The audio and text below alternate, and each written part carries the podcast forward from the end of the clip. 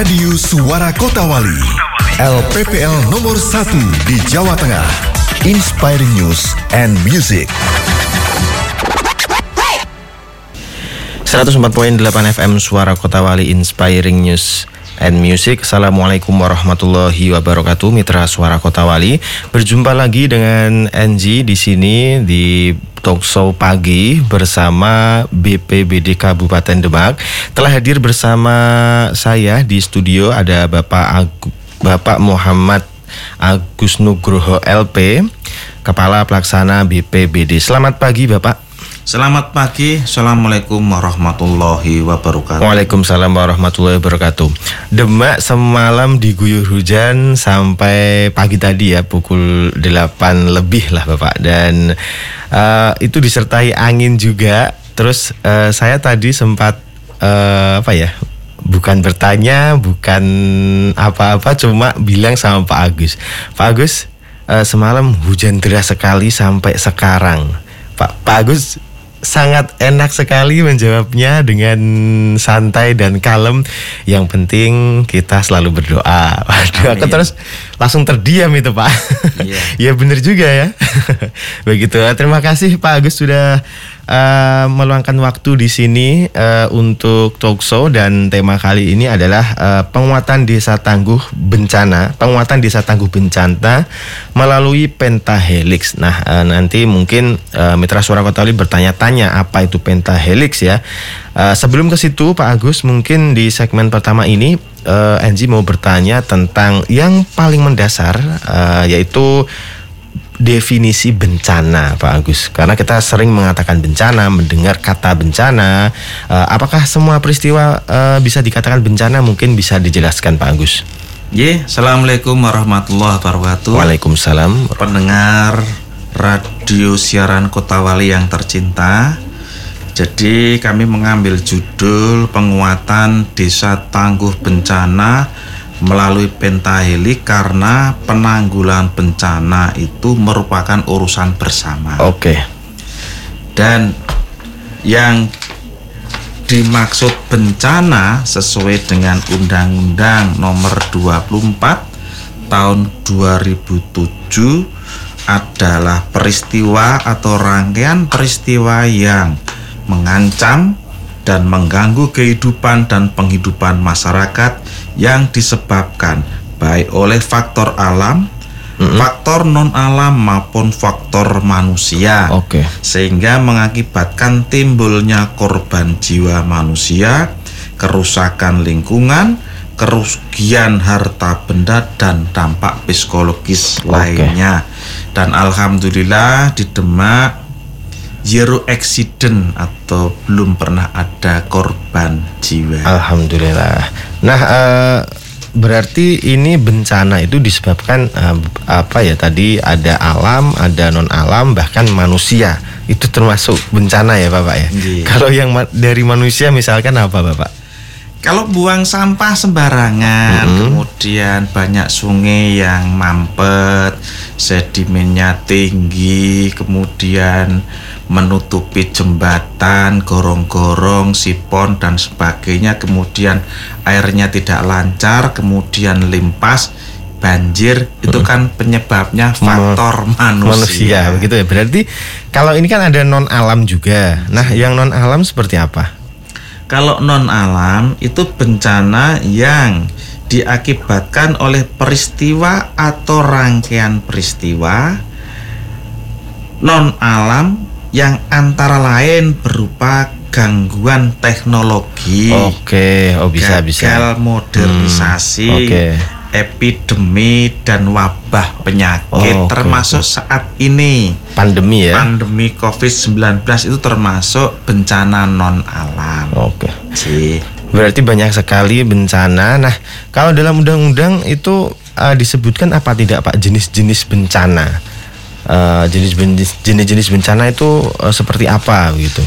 Ya, kalau di Indonesia itu istilahnya laboratorium bencana. Oke. Okay. Termasuk Jawa Tengah itu juga laboratorium bencana. Oke. Okay. Mau pernah cari, dengar itu. Mau cari bencana model apa ada. Bahkan Indonesia adalah laboratorium bencana. Yeah. Nah itu maksudnya gimana tuh? Iya. Kalau Pak Gubernur lebih apa istilahnya ya lebih sering menyebut bukan laboratorium bencana tapi supermarket bencana.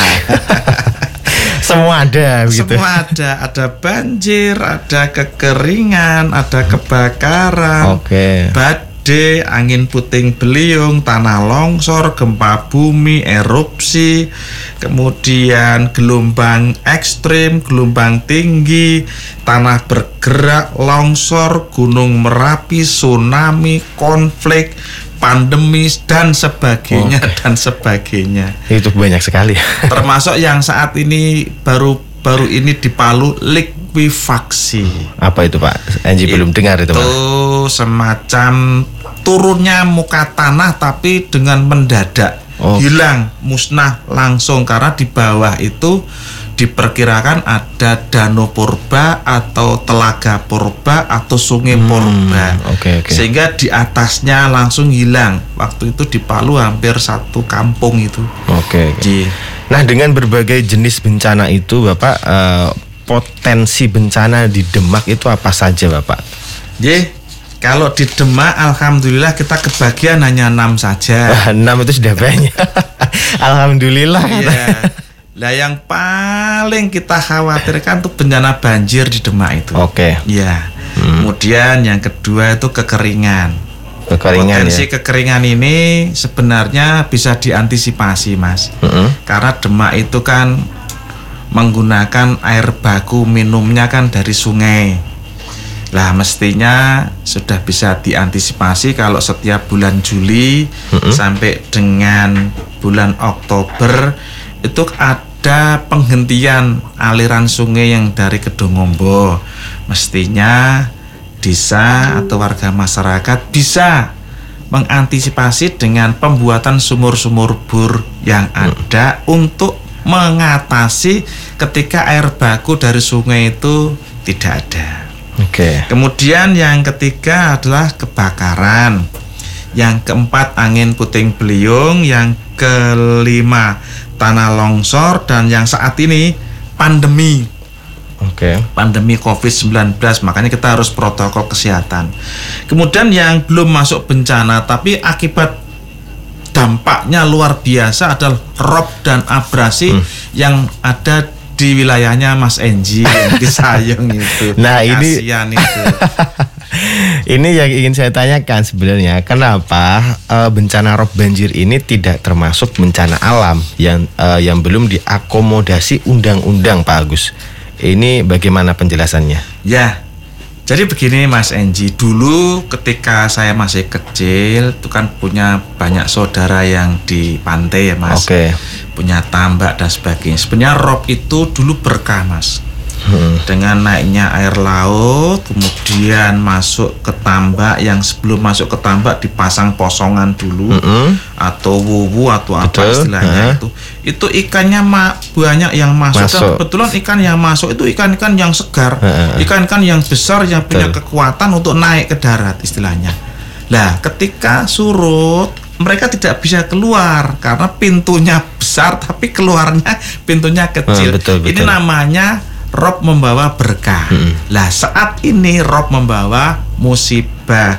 Sehingga karena undang-undang ini sudah istilahnya memiliki batasan-batasan tertentu, Rob ini sampai sekarang belum masuk potensi ancaman bencana. Tapi adakah uh, sudah direncanakan bahwa itu nantinya masuk ke dalam undang-undang dinyatakan sebagai bencana karena dampaknya luar biasa, Pak?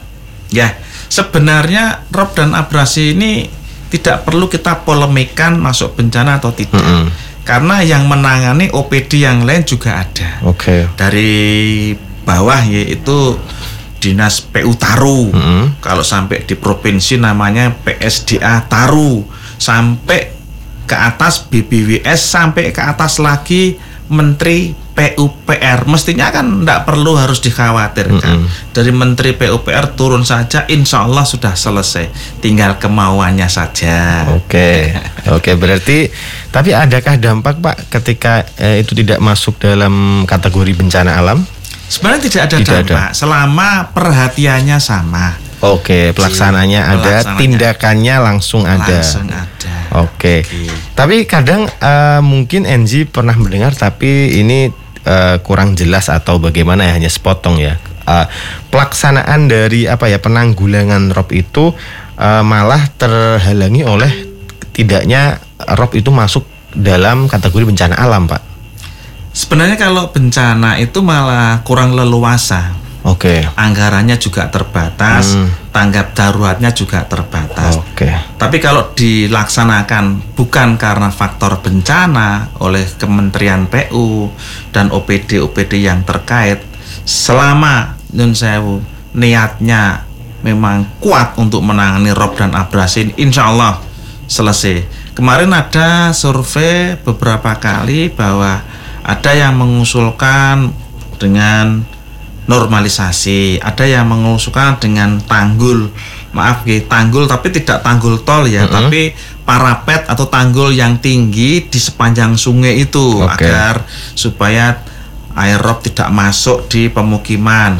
Nggih, itu tingginya parapet mungkin bisa sampai 2 meter misalnya. Atau dengan pembuatan jalan kolektor dari mulai Seriwulan sampai dengan Pedung. Hmm. Itu panjangnya kurang lebih 40 km.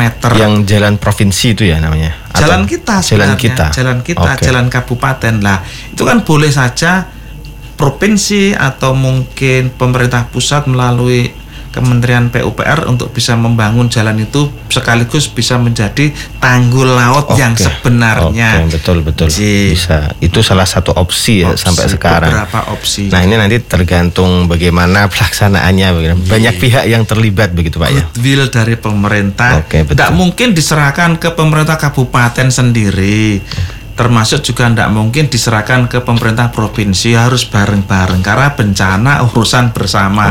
Kalau itu dianggap bencana. Oke, betul. Nah, eh kita itu di Demak itu paling rawan bisa dikatakan banjir ya, Pak ya. Iya. Eh, banyak sungai, dekat laut, curah hujan juga lumayan karena di sepanjang Pantura ini.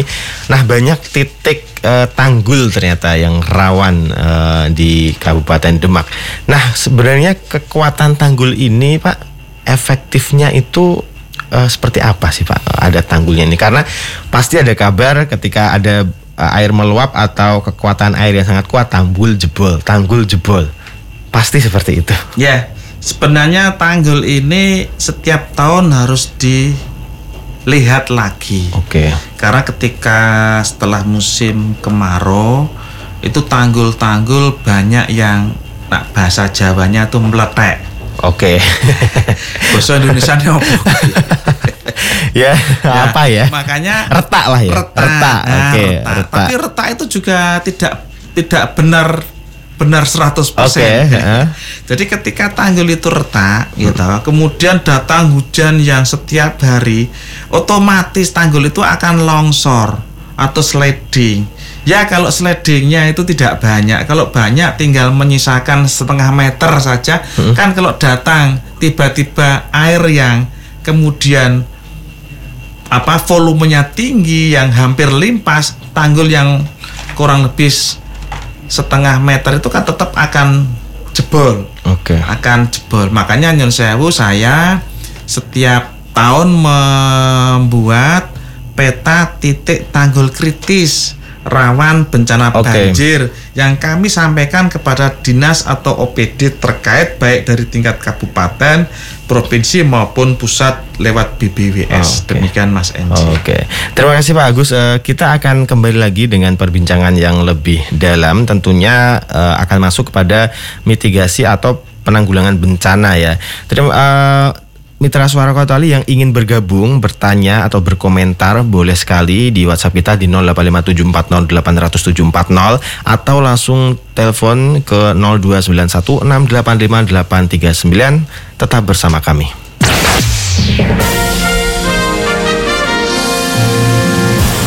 Radio Suara Kota Wali. LPPL nomor 1 di Jawa Tengah. Inspiring News and Music.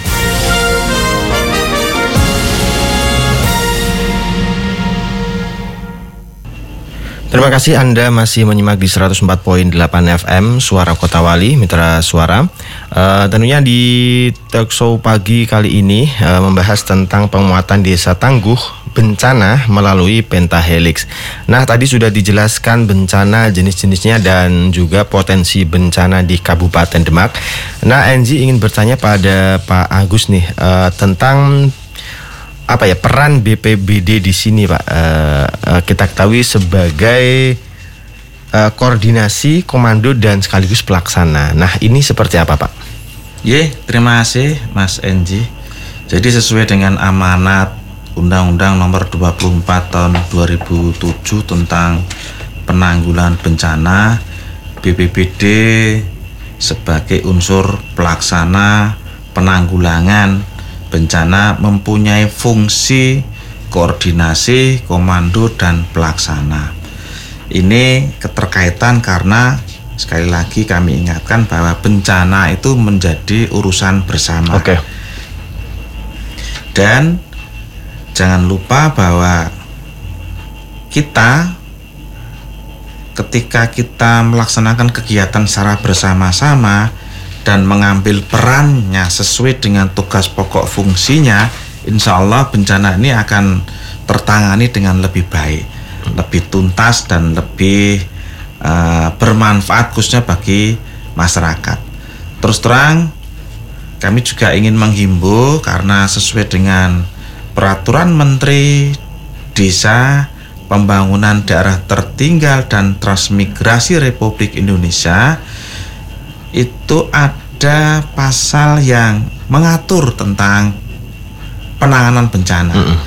yaitu di bab 2 huruf D eh, pasal 5 huruf D itu ada yang mengatakan bahwa di sana disebut dis, disampaikan bahwa pengadaan pembangunan pengembangan dan pemeliharaan sarana prasarana lingkungan untuk pemenuhan kebutuhan antara lain kesiapsiagaan menghadapi bencana alam, penanganan bencana alam, penanganan kejadian luar biasa termasuk Covid ini saat okay. ini, kemudian pelestarian alam atau lingkungan hidup ini juga menjadi tanggung jawab pemerintahan desa. Hmm. Sehingga apa yang kami sebutkan tadi di atas bahwa penguatan desa tangguh bencana melalui pentahelik adalah karena unsur-unsur dari pentahelik ini yang pertama adalah pemerintah. Oke. Okay. Nah, pemerintah ini termasuk sampai pemerintah yang terbawah yaitu desa. Kemudian ada dunia usaha. Uh -uh. Dari CSR-nya bisa dikeluarkan. Kemudian dari akademisi uh -uh. mungkin membantu konsep-konsep penanggulangannya. Kemudian dari media massa. Nah, dari media massa ini agar supaya berita-berita hoax ini bisa tertangani. Mm -hmm. Kemudian yang terakhir adalah masyarakat, karena masyarakat ini merupakan akselerasi atau yang menghadapi langsung ketika terjadi bencana. Betul, Sehingga betul. kami berharap bahwa desa tangguh bencana ini menjadi program kami yang akan kami laksanakan dan akan kami tindak lanjuti dengan mengajak semua unsur yang ada di desa. Oke. Okay. Berarti dari paling bawah desa terus larinya ke atas ya Pak ya. Kecamatan, kemudian ke kabupaten, ke provinsi sampai dengan pusat semua punya tanggung jawab yang sama. Oke. Nah, untuk uh, berita-berita yang bersebaran di media massa itu uh, seperti apa ya pisau bermata dua Pak.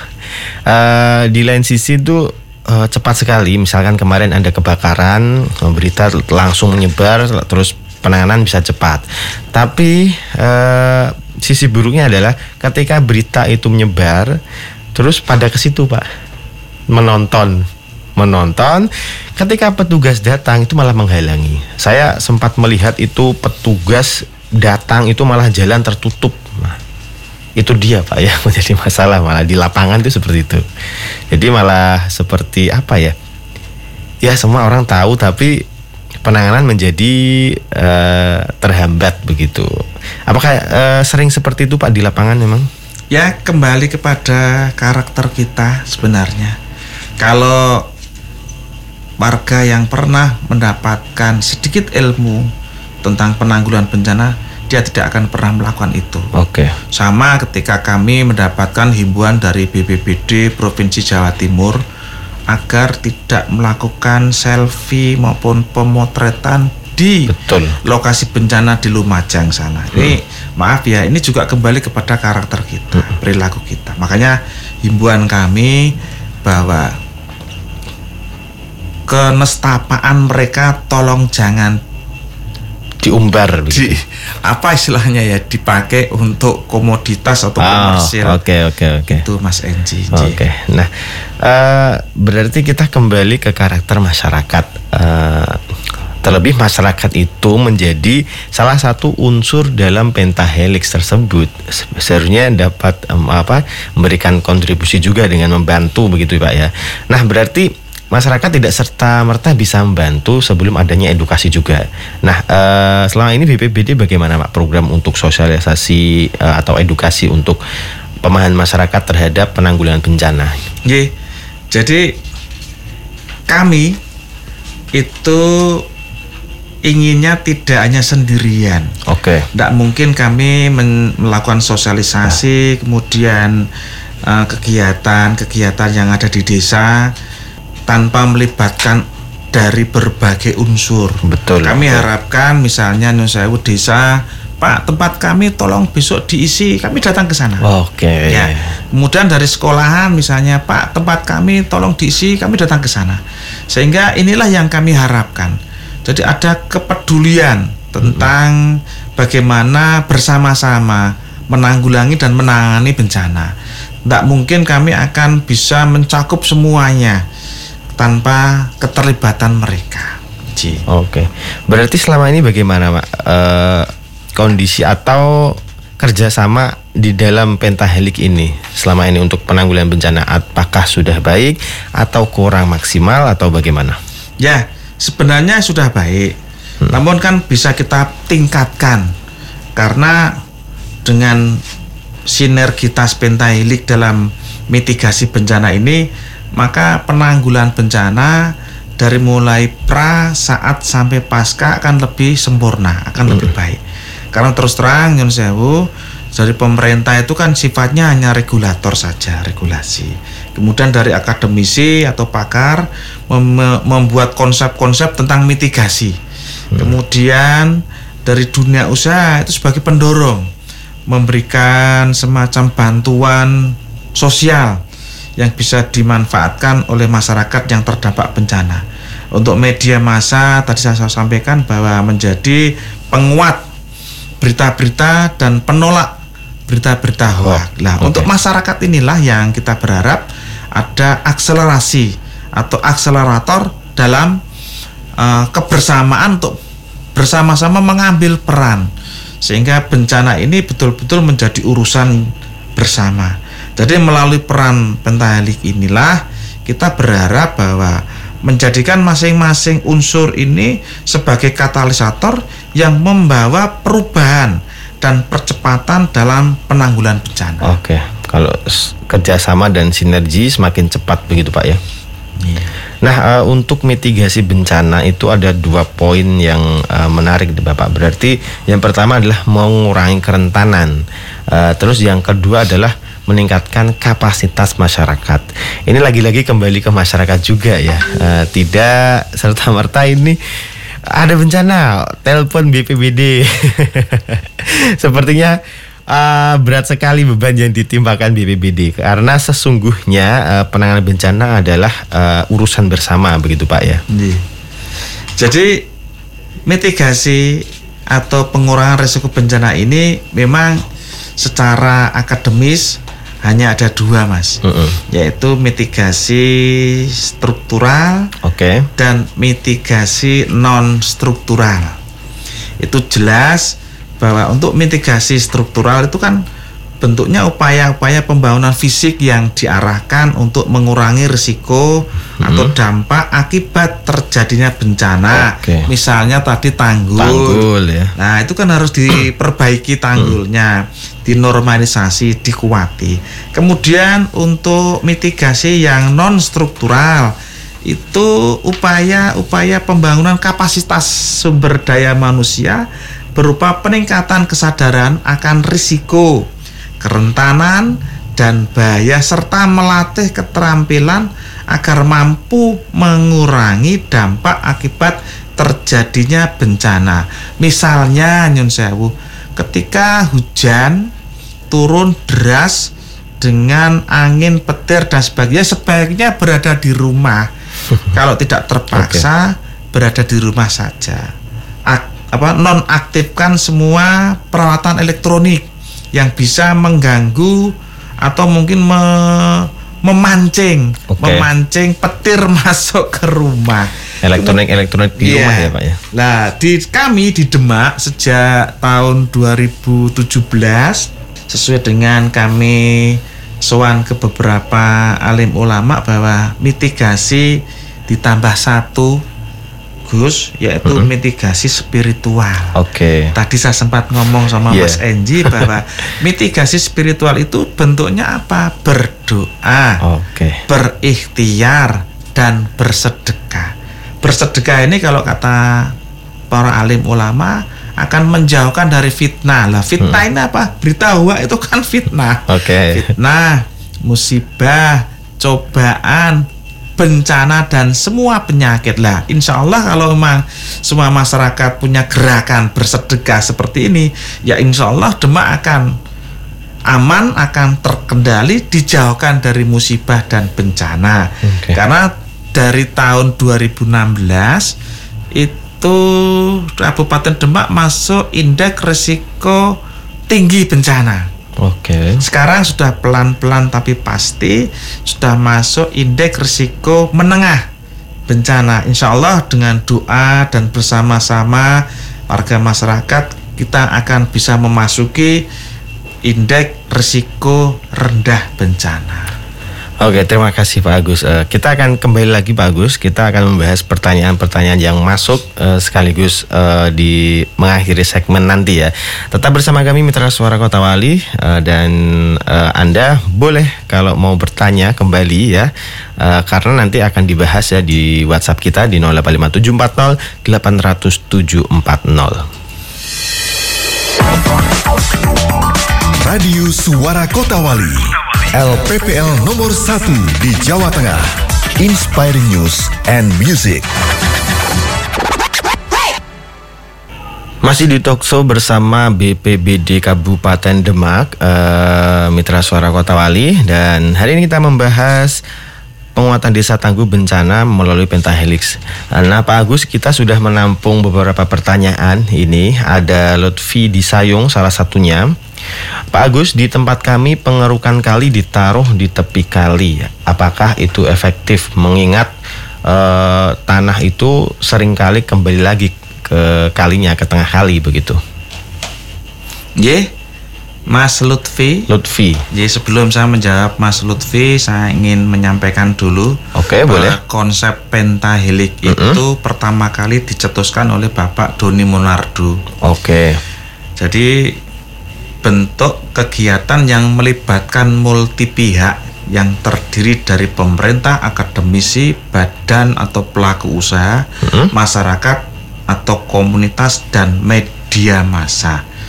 Lah bentuk atau pengembangan dengan memperbanyak desa-desa tangguh bencana yang ada saat ini sehingga tidak cukup hanya dilakukan oleh BPBD sendirian. Namun perlu adanya kolaborasi dari berbagai pihak. Pengembangan desa tangguh bencana dilakukan melalui sejumlah strategi yaitu pelibatan seluruh lapisan masyarakat pemanfaatan sumber daya lokal pengurangan kerentanan peningkatan kapasitas peningkatan pengetahuan dan kesadaran pemanduan pengurangan risiko bencana dalam pembangunan serta dukungan pemerintah.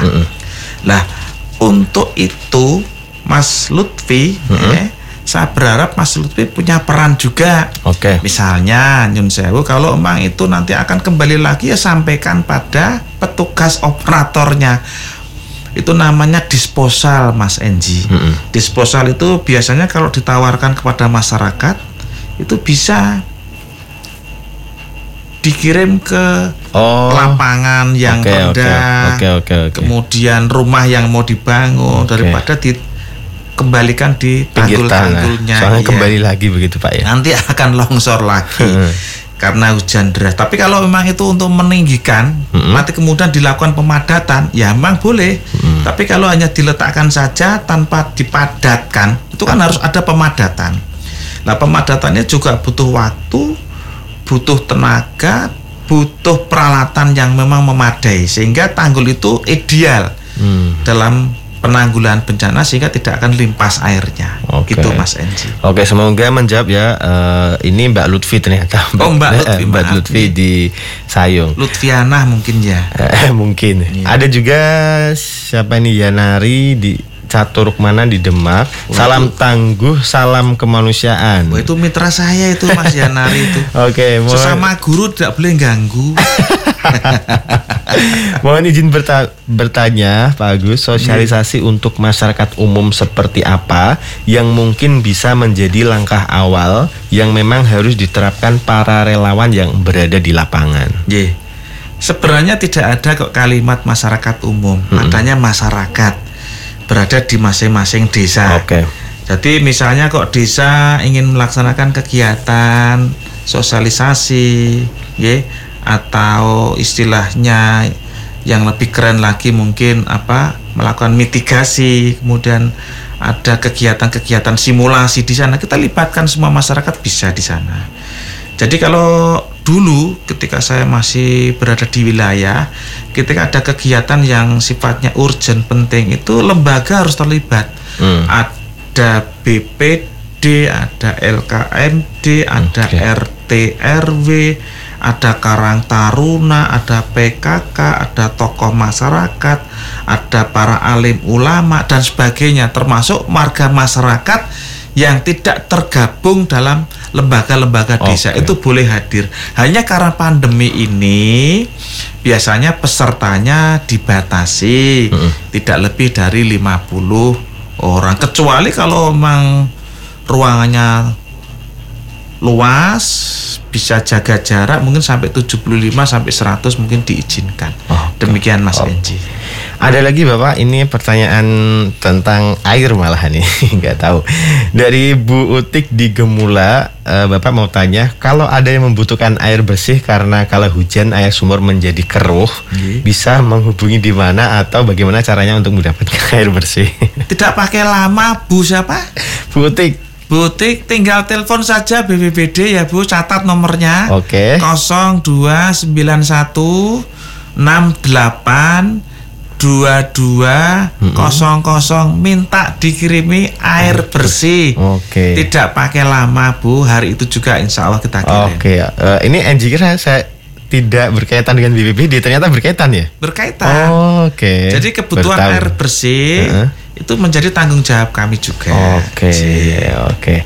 Begitu ya eh, Bu Uti langsung dihubungi nanti kalau ada permasalahan langsung ke nomor berapa Bapak tadi? 0291 68 22 00. Kami ini batalion 247 12. Oke. Artinya 24 jam, 7 hari, 12 bulan tidak boleh libur. Oke.